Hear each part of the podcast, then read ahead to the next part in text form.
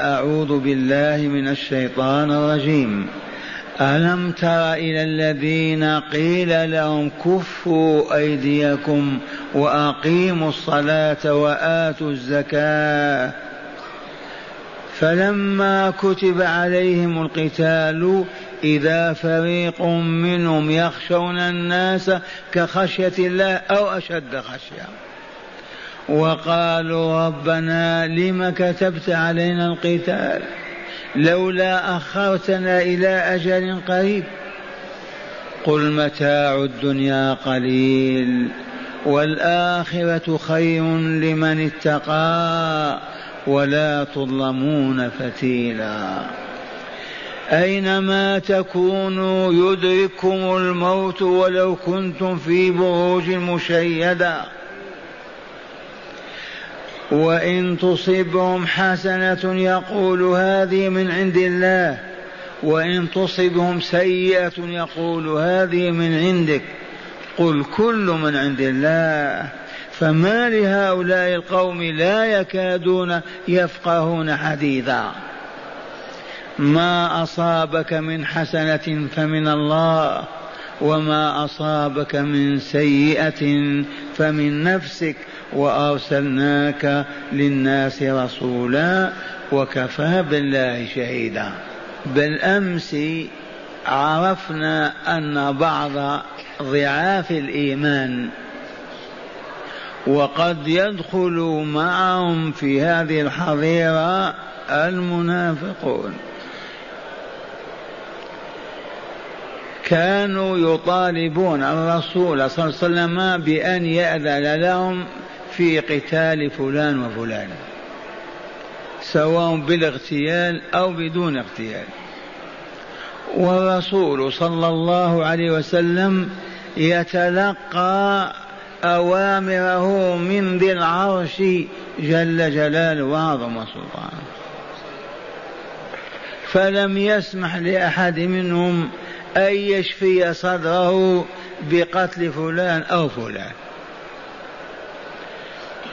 ولما وجدت القوة الكافية لمواجهة الكافرين أنزل الله تعالى قوله من سورة الحج كما علمتم بالأمس أذن للذين يقاتلون بأنهم ظلموا وإن الله على نصرهم لقدير. الذين أخرجوا من ديارهم بغير حق إلا أن يقولوا ربنا الله. إذا أذن للرسول والمؤمنين بالقتال. فأعلن ذلك. فأولئك الذين كانوا يريدون أن يقاتلوا لما فرض القتال أحجموا وجبنوا وتأخروا. ألم تر إلى الذين قيل لهم كفوا أيديكم وأقيموا الصلاة وآتوا الزكاة. يكفي إقام الصلاة لتزكية نفوسكم وتهذيب أرواحكم والزكاة لمساعدة إخوانكم الفقراء من المهاجرين وغيرهم. إذا فلما كتب عليهم القتال من كتبه؟ الله. ما معنى كتبه؟ فرضه فرضا مؤكدا. إذا فريق منهم من أولئك الذين كانوا يطالبون بالجهاد إذا فريق منهم يخشون الناس كخشية الله أو أشد خشية والعياذ بالله. جماعة منهم يخافون الناس أكثر مما يخافون الله عز وجل. كيف يقاتلون؟ كيف يجاهدون؟ وزيادة على ذلك وقالوا ربنا لم كتبت علينا القتال الآن؟ لولا أخرتنا إلى أجل قريب. حتى يكثر عددنا وتكثر عدتنا. وما قالوا هذا إلا فرارا من المعركة إلا خوفا من الموت. لأن إيمانهم مهزول ضعيف لا وزن له. لولا أخرتنا إلى أجل قريب كالعام والعامين والثلاثة حتى نتقوى. فأمر الله تعالى رسوله أن يقول لهم قل يا رسولنا قل متاع الدنيا قليل والآخرة خير لمن اتقى. ماذا تريدون من التأجيل والتأخير العام والعامين والثلاثة؟ تريدون الدنيا متاعها قليل والآخرة خير لمن اتقى ولا تظلمون فتيلا. أي مقدار فتيل. والفتيل خيط رقيق أبيض يوجد في النواة نواة التمر. إذا شققت التمر وجدت النواة في داخل خيط رقيق لا يزن عشر الميليغرام ولا تظلمون فتيلا. تعطون أجوركم كاملة عن إيمانكم وصالح أعمالكم. ثم قال لهم أينما تكونوا يدرككم الموت ولو كنتم في بروج مشيدة. أينما تكونوا في رؤوس الجبال أو في سهولها في, الفن في الخنادق والأنفاق أو تكونوا حيثما كنتم ولو كنتم في القصور المشيدة بالشيد والجص والحديد لا كو فيها ولا نافلة والله يدركهم الموت في ذلك المكان. أينما تكونوا يدرككم الموت والموت يجري وراءهم بل كلما هربوا وجدوه أمامهم. أينما تكونوا يدركم الموت ولو كنتم في بروج مشيدة؟ البروج جمع برج. البناية الضخمة العالية قصور مشيدة بالشيد. ثم أخبر عنهم بقوله تعالى وإن تصبهم حسنة يقول هذه من عند الله. إذا كان مثلا رخاء أو مال أو غنى أو صحة أو انتصار في غزوة من الغزوات يقولون من عند الله لا شكر لله وإنما فقط لا يريدون أن ينسبوا إلى رسول الله شيئا. هذه القلوب المريضة هذه الأرواح التي ما هذبت إن تصب حسنة مما يحسن بالإنسان من عافية أو غذاء أو راحة أو سعادة يقول هذه من عند الله. أقول ما قالوا هذا شكرا لله؟ لا أبدا. فقط ليقول وليس من عندك أنت. وإن تصبهم حسنة يقول هذه من عند الله. وإن تصبهم سيئة يقول هذه من عندك. من يوم ما رأيناك ونحن في هذا الهم. من يوم ما جئتنا ونحن في الفتن والحروب. هكذا يواجهون رسول الله صلى الله عليه وسلم. ما سبب ذلك؟ موت القلوب. الجهل وظلماته ما عرفوا الله حق المعرفة يواجهون رسول الله بهذه المواجهة. يتطيرون به. لا طير في الإسلام أبدا. لأنهم يقول هذه من عندك. إذا جاء قحط وإلا حصار وإلا فقر وإلا ينسبونها إلى رسول الله صلى الله عليه وسلم.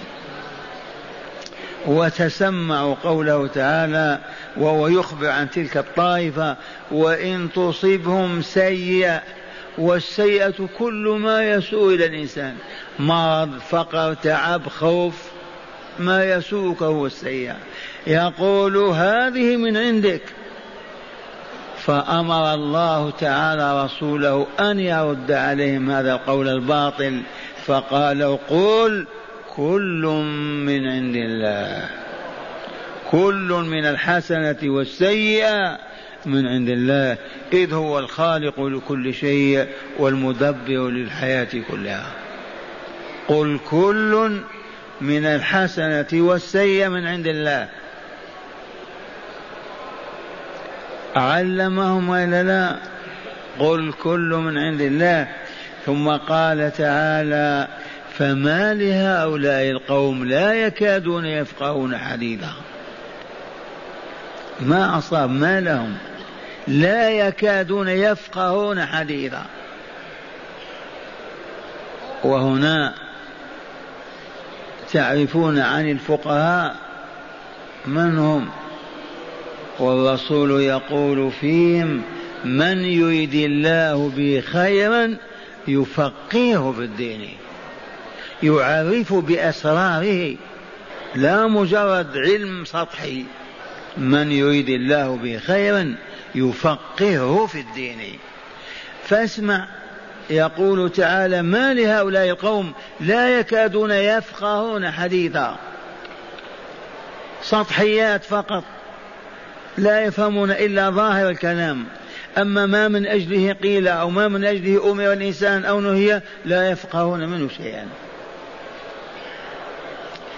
إليكم هذه اللطيفة. تشرح لكم هذا المعنى.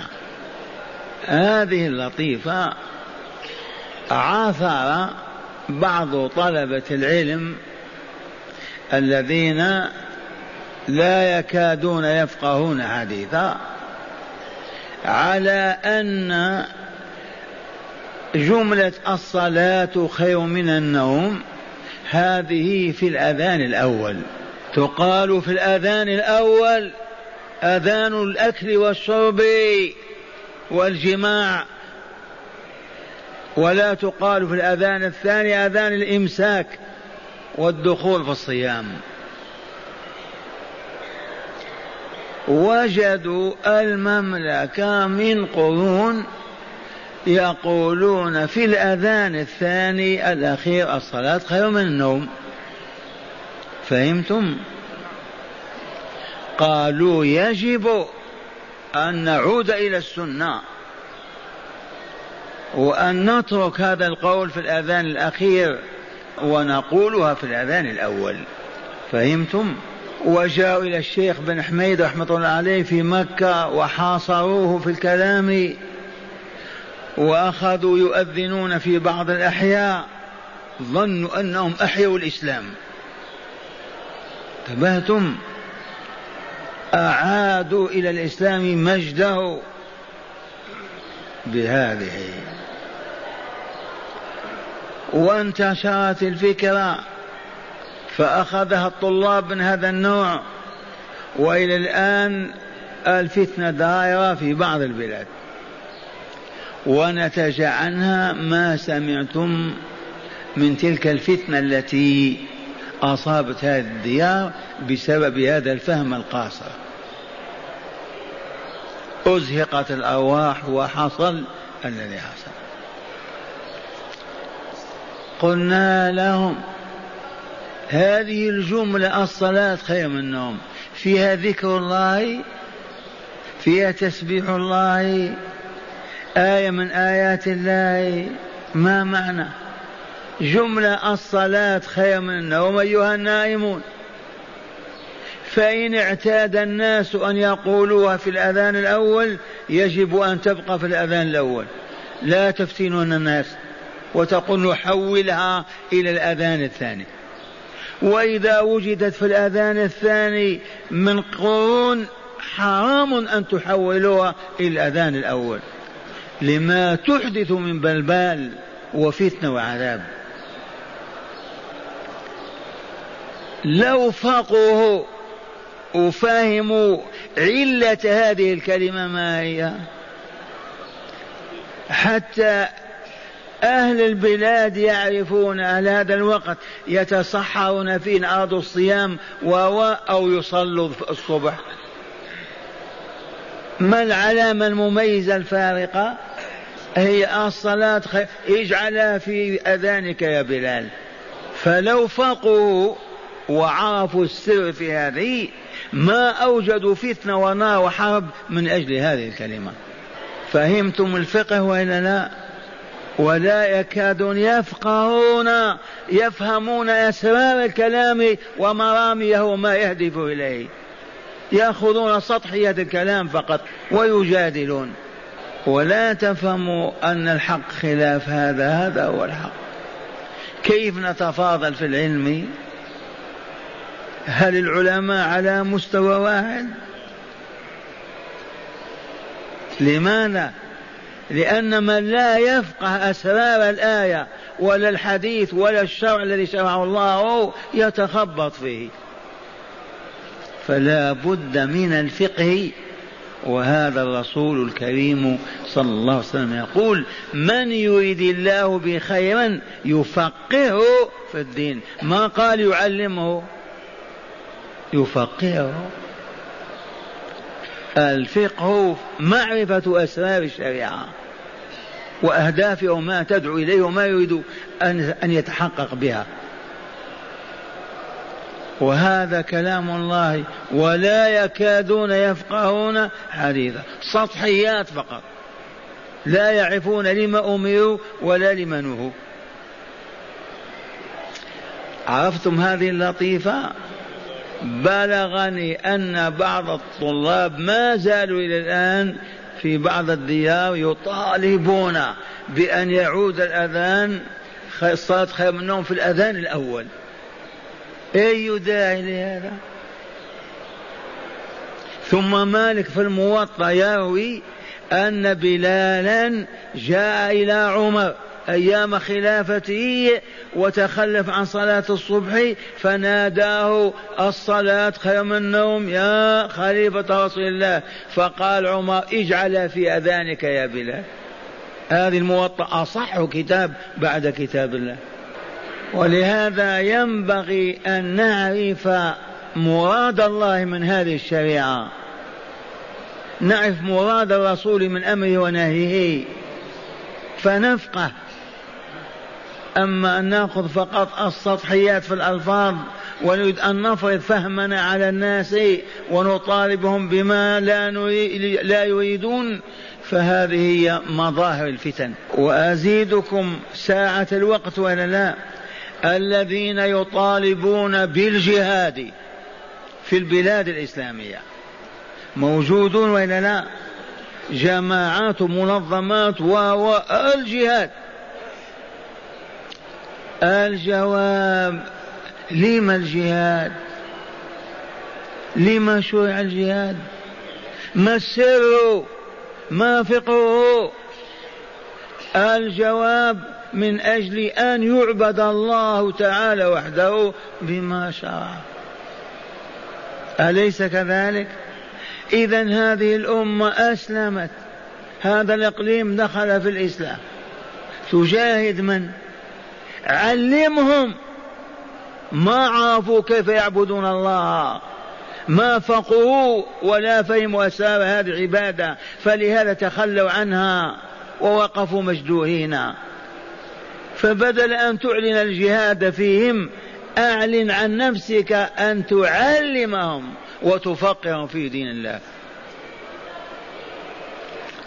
مرة ثانية. هذا الإقليم اليمن الشام العراق ما شئت المدينة أي بلد. دخلوا في الإسلام ولا لا؟ يشهدون أن لا إله إلا الله محمد رسول الله ولا لا؟ لما تقول الجهاد تريد ماذا؟ تجاهد من؟ مسلمون مؤمنون.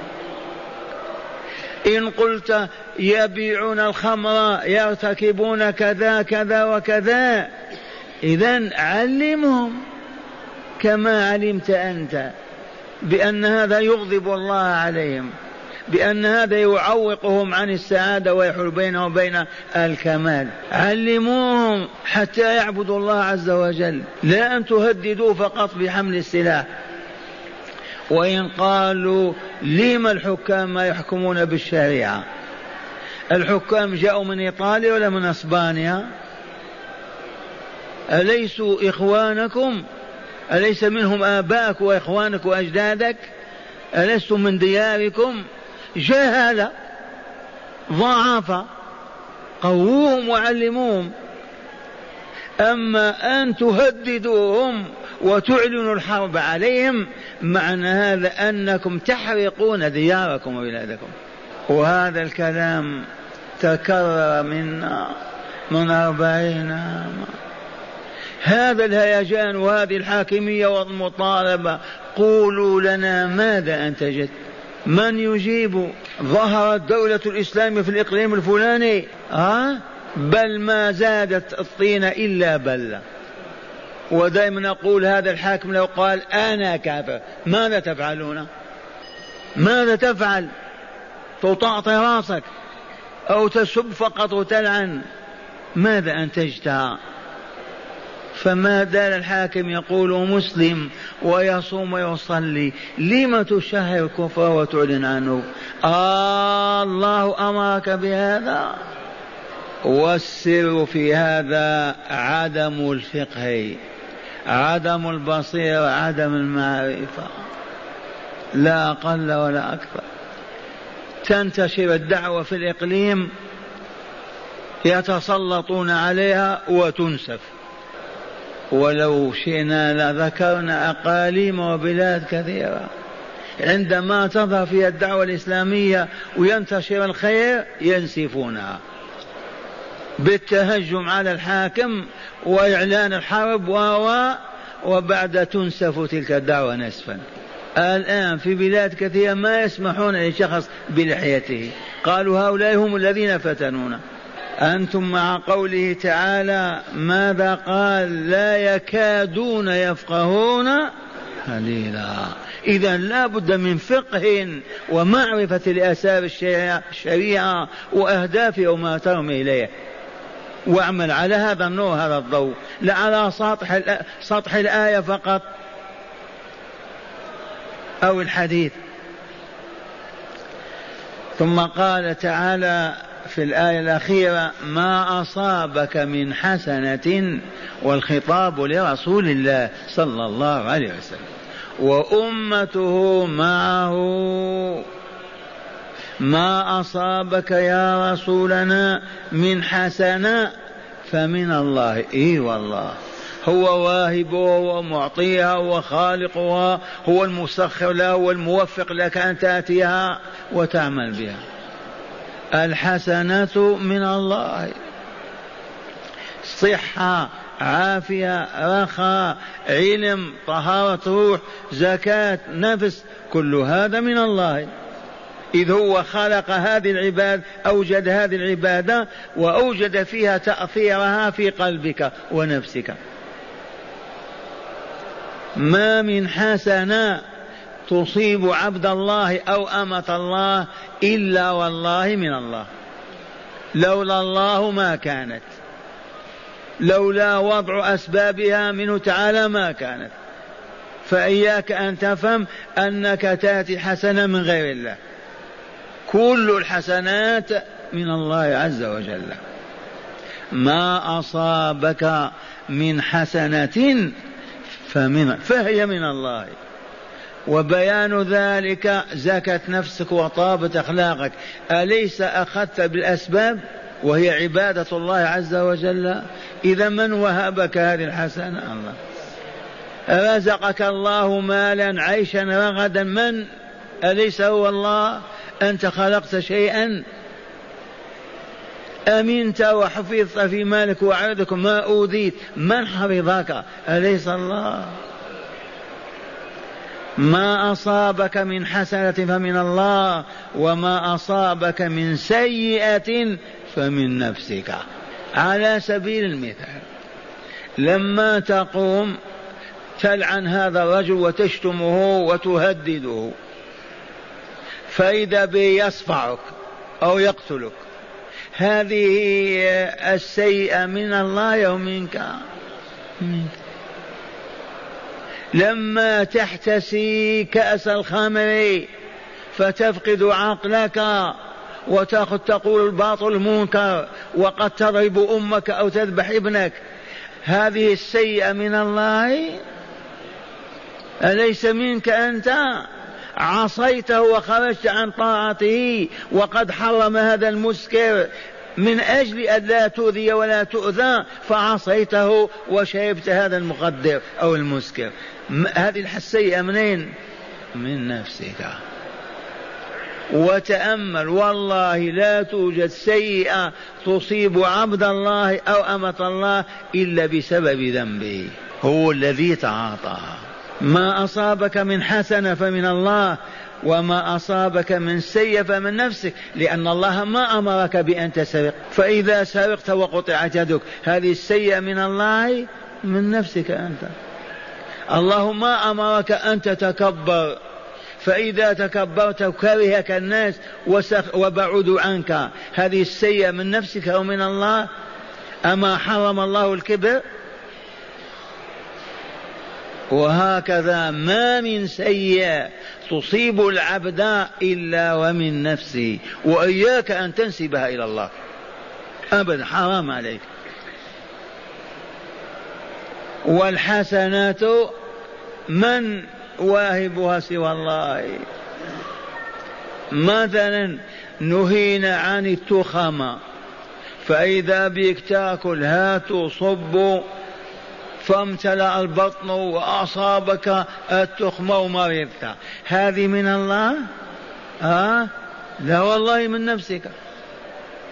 ما أذنك الله في أن تسرف في أكلك وشربك. فلما أسرفت ومرضت من الله. خرجت في الليل في البرد الشديد كشفت عن جسمك وأنت تتعنطر في حوشك أو في الشارع فأصابك مرض زكام آه الله الذي أصابك بهذا؟ ما أنت الذي فعلت هذا؟ هل أذن الله لك أن تتعرض للأذى بنفسك؟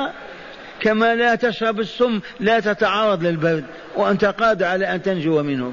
إذا وإخوانكم الذين في السجون من الجماعات المتطاولة التي تطالب بالجهاد هذه السيئة منين؟ من الله؟ آه الله أمرهم أن يجاهروا ويطالبوا الحكام بتحكيم الشريعة وإلى نعلن الحرب عليكم وأنتم كفار؟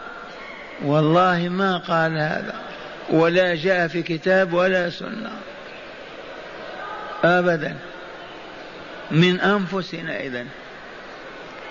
وتفهموا هذه الآية ما أصابك من حسنة فمن فاحمد الله وأثن عليه واشكره ليزدك. وما أصابك من سيئة فمن نفسك من نفسك. إذا تب إلى ربك. وابتعد عن المهاوي والمساقط وانجو والله لا يخيبك اذا الآن ندرس هذه الآيات في الكتاب الذي بين أيدينا لنزداد بصيرة ومعرفة لهذه الآيات. لنستمع. قال روي أن بعض من أصحاب الرسول صلى الله عليه وسلم طالبوا بالإذن لهم بالقتال ولم يأذن لهم لعدم توفير أسباب القتال فكانوا يؤمرون بإقام الصلاة وإيتاء الزكاة ريثما أي وقت ما يأذن الله تعالى لرسوله بقتال المشركين. ولما شرع القتال وفرض وأذن فيه جابونا جابونا فريق منهم عن القتال. والجبن معروف. الجبن الذي يباع في السوق. أما كان حليبا سائلا مائعا ولا لا؟ تجمد ولا لا؟ جبن. فالذي كان يندفع الجهاد الجهاد جابونا. فهمتم معنى الجبن. قال ولما شرع القتال جبن فريق منهم عن القتال وقالوا لولا أخرتنا إلى أجل قريب متعللين بعلل واهية. فأنزل الله تعالى فيهم هاتين الآيتين ألم تر إلى الذين قيل لهم كفوا أيديكم أي عن القتال وأقيموا الصلاة وآتوا الزكاة. ريثما يأذن الله بالقتال عندما تتوفر إمكانيته. فلما فرض القتال ونزل قوله تعالى أذن للذين يقاتلون بأنهم ظلموا جبنوا ولم يخرجوا للقتال. وقالوا لولا أخرتنا إلى أجل قريب يريدون أن يدافعوا الأيام حتى يموتوا ولم يلقوا عدوا خورا وجبنا. فأمر تعالى الرسول أن يقول لهم متاع الدنيا قليل والآخرة خير لمن اتقى ولا تظلمون فتيلا. قال فعيشكم في الدنيا مهما طابت لكم الحياة هو قليل. والآخرة خير لمن اتقى الله بفعل أمره وترك نهيه بعد الإيمان به وبرسوله. وسوف تحاسبون على أعمالكم وتجزون بها ولا تظلمون فتيلا. أي لا ينقص حسنة لا بنقص حسنة ولا بزيادة سيئة. هذا ما تضمنته الآية. قال أما الثانية الآية الثانية فقد قال تعالى لهم ولغيرهم ممن يخشون القتال ويجبنون عن الخروج للجهاد. قال لهم أينما تكونوا يدرككم الموت؟ إذ الموت طالبكم ولا بد أن يدرككم. كما قال تعالى لأمثالهم قل إن الموت الذي تفرون منه فإنه ملاقيكم. تفرون هاربين ما يجي وراكم هو؟ تجدونه أمامكم.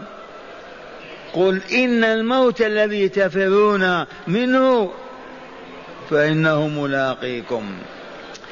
ولو دخلتم حصونا ما فيها كوى ولا نافذة ولا غار ولا ولا في الجدران فإن الموت يدخلها عليكم ويقبض أرواحكم. ولما ذكر تعالى جبنهم وخوفهم ذكر تعالى سوء فهمهم وفساد ذوقهم. فقال وإن تصبهم حسنة يقول هذه من عند الله وإن تصبهم سيئة يقول هذه من عندك. يعني أنه إذا أصابهم خير من غنيمة أو خصب أو رخاء قالوا هذه من عند الله. لا شكرا لله وإنما لا يريدون أن ينسبوا إلى رسول الله شيئا من خير كان ببركته وحسن قيادته. وإن تصبهم سيئة فقر مرض هزيمة يقولون هذه من عندك أي أنت السبب فيها. قال تعالى لرسوله صلى الله عليه وسلم قل لهم قل كل من عند الله. كل من السيئة والحسنة من عند الله. هو الخالق والواضع السنن لوجودها وحصولها ثم عابهم في نفسياتهم الهابطة. فقال فما لهؤلاء القوم لا يكادون يفقهون حديثا. أما الآية الثالثة والأخيرة في هذا السياق وهي قوله تعالى ما أصابك من حسنة فمن الله وما أصابك من سيئة فمن نفسك. الآية فإن الله تعالى يخاطب رسوله صلى الله عليه وسلم فيخبره بأن الحسن من الله تعالى إذ هو الآمر بقولها أو فعلها وموجد أسبابها والموفق للحصول عليها. أما السيئة فمن النفس إذ هي التي تأمر بها وتباشرها مخالفة فيها أمر الله أو نهيه تعالى فلذا لا يصح نسبتها إلى الله تعالى. وقوله تعالى وأرسلناك للناس رسولا وكفى بالله شهيدا. يسلي به رسوله عما يلاقيه من أذى الناس وما يصادفه من سوء أخلاق. بعضهم كالذين ينسبون إليه السيئة تطيرا به. فيخبر بأن مهمته أداء الرسالة وقد أداها. والله شاهد على ذلك ويجزيك عليه بما أنت أهله وسيجزي من رد رسالتك وخرج عن طاعتك وكفى بالله شهيدا. فهمتم معنى الآيات الثلاث إن شاء الله؟ الآن هداية الآيات. كل آية تحمل هداية. وأعيد القول. لما سميت الآية آية؟ كم آيات القرآن الكريم؟ ستة آلاف وأربع ومئتين وأربعين أو ما يقارب كل آية ولو كانت مدهامة أقصر آية في القرآن. مدهامتان أقصر آية. وأطول آية يا أيها الذين آمنوا إذا تداينتم بدين إلى أجل مسمى أطول آية في كتاب الله. كل آية معناها علامة تدل على أمرين. الأول على وجود الله العليم الحكيم القوي القدير الرؤوف الرحيم والثاني على صحة نبوة محمد صلى الله عليه وسلم. إذ لا يعقل أبدا أن يوجد كلام بدون متكلم. لا يعقد أن يوجد علم بدون عالم. أليس كذلك؟ فكل آية تدل على وجود الله عز وجل إذ هو الذي تكلم بها وأوحاها وأنزلها. ثانيا الذي نزلت عليه وأوحيت إليه لا يكون رسولا؟ من يكون رسول؟ أليس الرسول الذي تعطيه رسالة وإلا لا؟ كلامية أو كتابية؟ بلغها إلى فلان.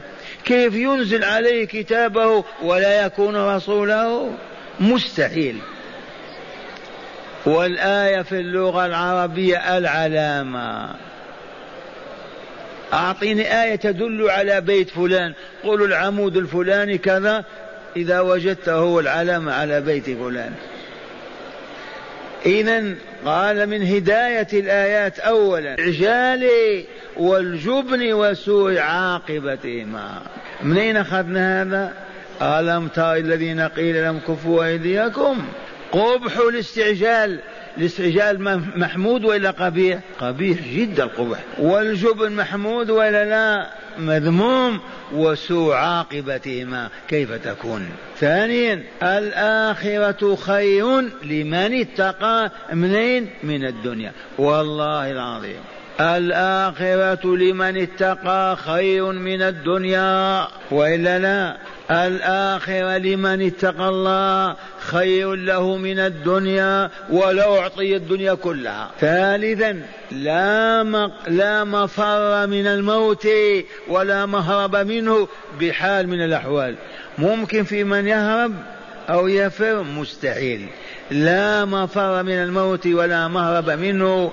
لقوله تعالى أينما تكونوا يدركم الموت. ولو كنتم في بروج مشيدة. رابعا الخير والشر كلاهما بتقدير الله عز وجل. الخير والشر كلاهما بتقدير الله عز وجل. أما قال تعالى قل كل من عند الله أي من الخير والشر. خامسا الحسنة من الله والسيئة من النفس. وإليكم الحديث النبوي الشريف. يقول صلى الله عليه وسلم والذي نفسي بيده. من هو الذي نفس الرسول بيده؟ الله. هذه يمين الرسول الحبيب صلى الله عليه وسلم. والذي نفسي بيدي لا يصيب المؤمن هم ولا حزن ولا نصب. حتى الشوك يشاكى إلا كفر الله عنه بها من خطاياه واسمع قتادة يقول من رجالات التابعين لا يصيب رجلا لا لا يصيب رجلا خد شعود ولا عثرة قدم ولا اختلاج عرق إلا بذنب. وما وما يعفو الله عنه أكثر من ذلك. كان السلف الصالح إذا عثرت بغلته أو فرسه راجع نفسه. أذنبت ساعة كذا قصرت في كذا. لما والكافر ما يصاب ولا تعثر دابته هذا يريد الله تطهيره وتنقيته. ما يبقى ذاك الوسق على قلبه. يصيبه بمصيبة لتطهيره وتصفيته. وهذا الذي أقسم عليه الرسول وحلف. أليس كذلك؟ قال الحسنة من الله والسيئة من النفس. إذ الحسنة أمر الله بأسبابها بعد أن أوجدها وأعان عليها وأبعد الموانع عنها والسيئة من النفس لأن الله نهى عنها وتوعد على فعلها ولم يوفق إليها ولم يعن عليها فهي إذا من النفس.